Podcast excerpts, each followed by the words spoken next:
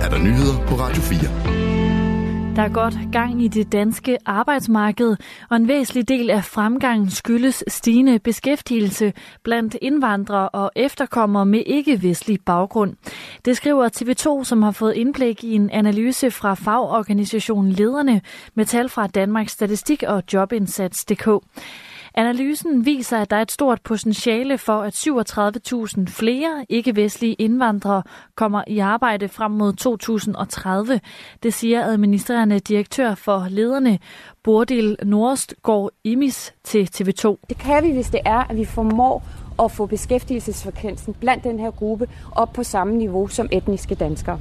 Det den også viser, det er, at der er potentiale for at flytte mellem 4-5.000 fra den her gruppe for offentlig forsørgelse over i beskæftigelse. Og det betyder jo, at vi kan rent faktisk styrke de offentlige finanser med en milliard om året. I dag er der blandt de 15-64-årige mere end 100.000 flere beskæftigede indvandrere fra ikke-vestlige lande end i begyndelsen af 2008. Og selvom tallene her de bliver korrigeret for den generelle befolkningsudvikling, så tegner analysen altså stadig et klart billede af, at der er historisk mange indvandrere og efterkommere med ikke-vestlig baggrund i arbejde, skriver TV2.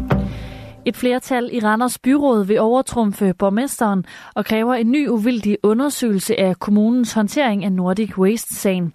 Det fremgår af et forslag, som er sendt til medlemmerne i byrådet, skriver TV2 Østjylland. Der er allerede et flertal bag forslaget, udenom borgmesterens eget parti Socialdemokratiet, og det betyder, at borgmester Torben Hansen overtrumfes. Den uvildige undersøgelse skal stille skarpt på kommunens og dens ledelses agerende i sagen. Partierne bag forslaget vil blandt andet have undersøgt, om Randers Kommunes tilsyn er sket i overensstemmelse med gældende ret. Randers Kommune blev en tidligere advokatundersøgelse frikendt for sit ansvar, men det var en advokatundersøgelse, som kommunen selv havde bestilt. Baseret på de forløbige ødelæggelser i Ukraine vil det koste 3,4 billioner kroner at genopbygge det krigshavede land, det skriver politikken. Bag beregningerne står EU-kommissionen, Verdensbanken og FN, som sammen med den ukrainske regering forsøger at anslå de økonomiske følger af Ruslands angreb. Beløbet dækker kun de første 10 års indsats for at udbedre skader på Ukraine. Det omfatter reparationer på bygninger, landets infrastruktur og landbruget, hvis marker mange steder er blevet mineret af russerne. 10 procent af Ukraines boliger er helt eller delvist ødelagte.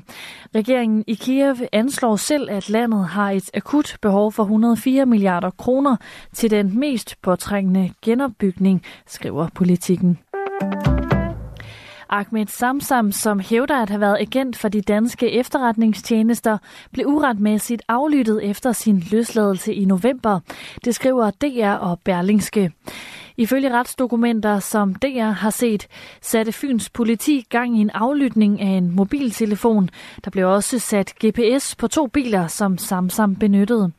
Det skete, fordi politiet frygtede, at Ahmed Samsam ville begå grov vold mod to medarbejdere fra en offentlig myndighed. Hvilken myndighed fremgår dog ikke. Indgrebet blev i første omgang godkendt af retten i Odense, men en hemmelig beskikket advokat for Samsam klagede over afgørelsen, og den blev ændret af Østre Landsret. Ifølge Berlingske blev Ahmed Samsam først bekendt med, at han blev aflyttet, da Østre Landsret havde afsagt sin kendelse i sagen. Hverken Fyns politi eller politiets efterretningstjeneste har kommenteret historien. To af søværnets nyeste inspektionsfartøjer kan slet ikke sejle. De to skibe patruljerer normalt i farvandet omkring Grønland, men har problemer med de maskiner, der laver strøm på skibene. Det melder Arktisk Kommando ifølge DR. Problemerne med de to skibe forventes at vare minimum måneden ud. På det ene skib er maskinen, som laver strøm, gået helt i stykker, mens den er delvist i stykker på det andet skib. Der er tale om samme skibstype, som i knap 15 år har haft kanoner, som ikke har kunnet skyde, fordi et våbensystem mangler. I aften og i nat stedvis regn og mulighed for tåge. Temperatur mellem 3 og 5 graders varme og en svag til frisk vind. Det var nyhederne her på Radio 4, og i studiet er Sofie Levering.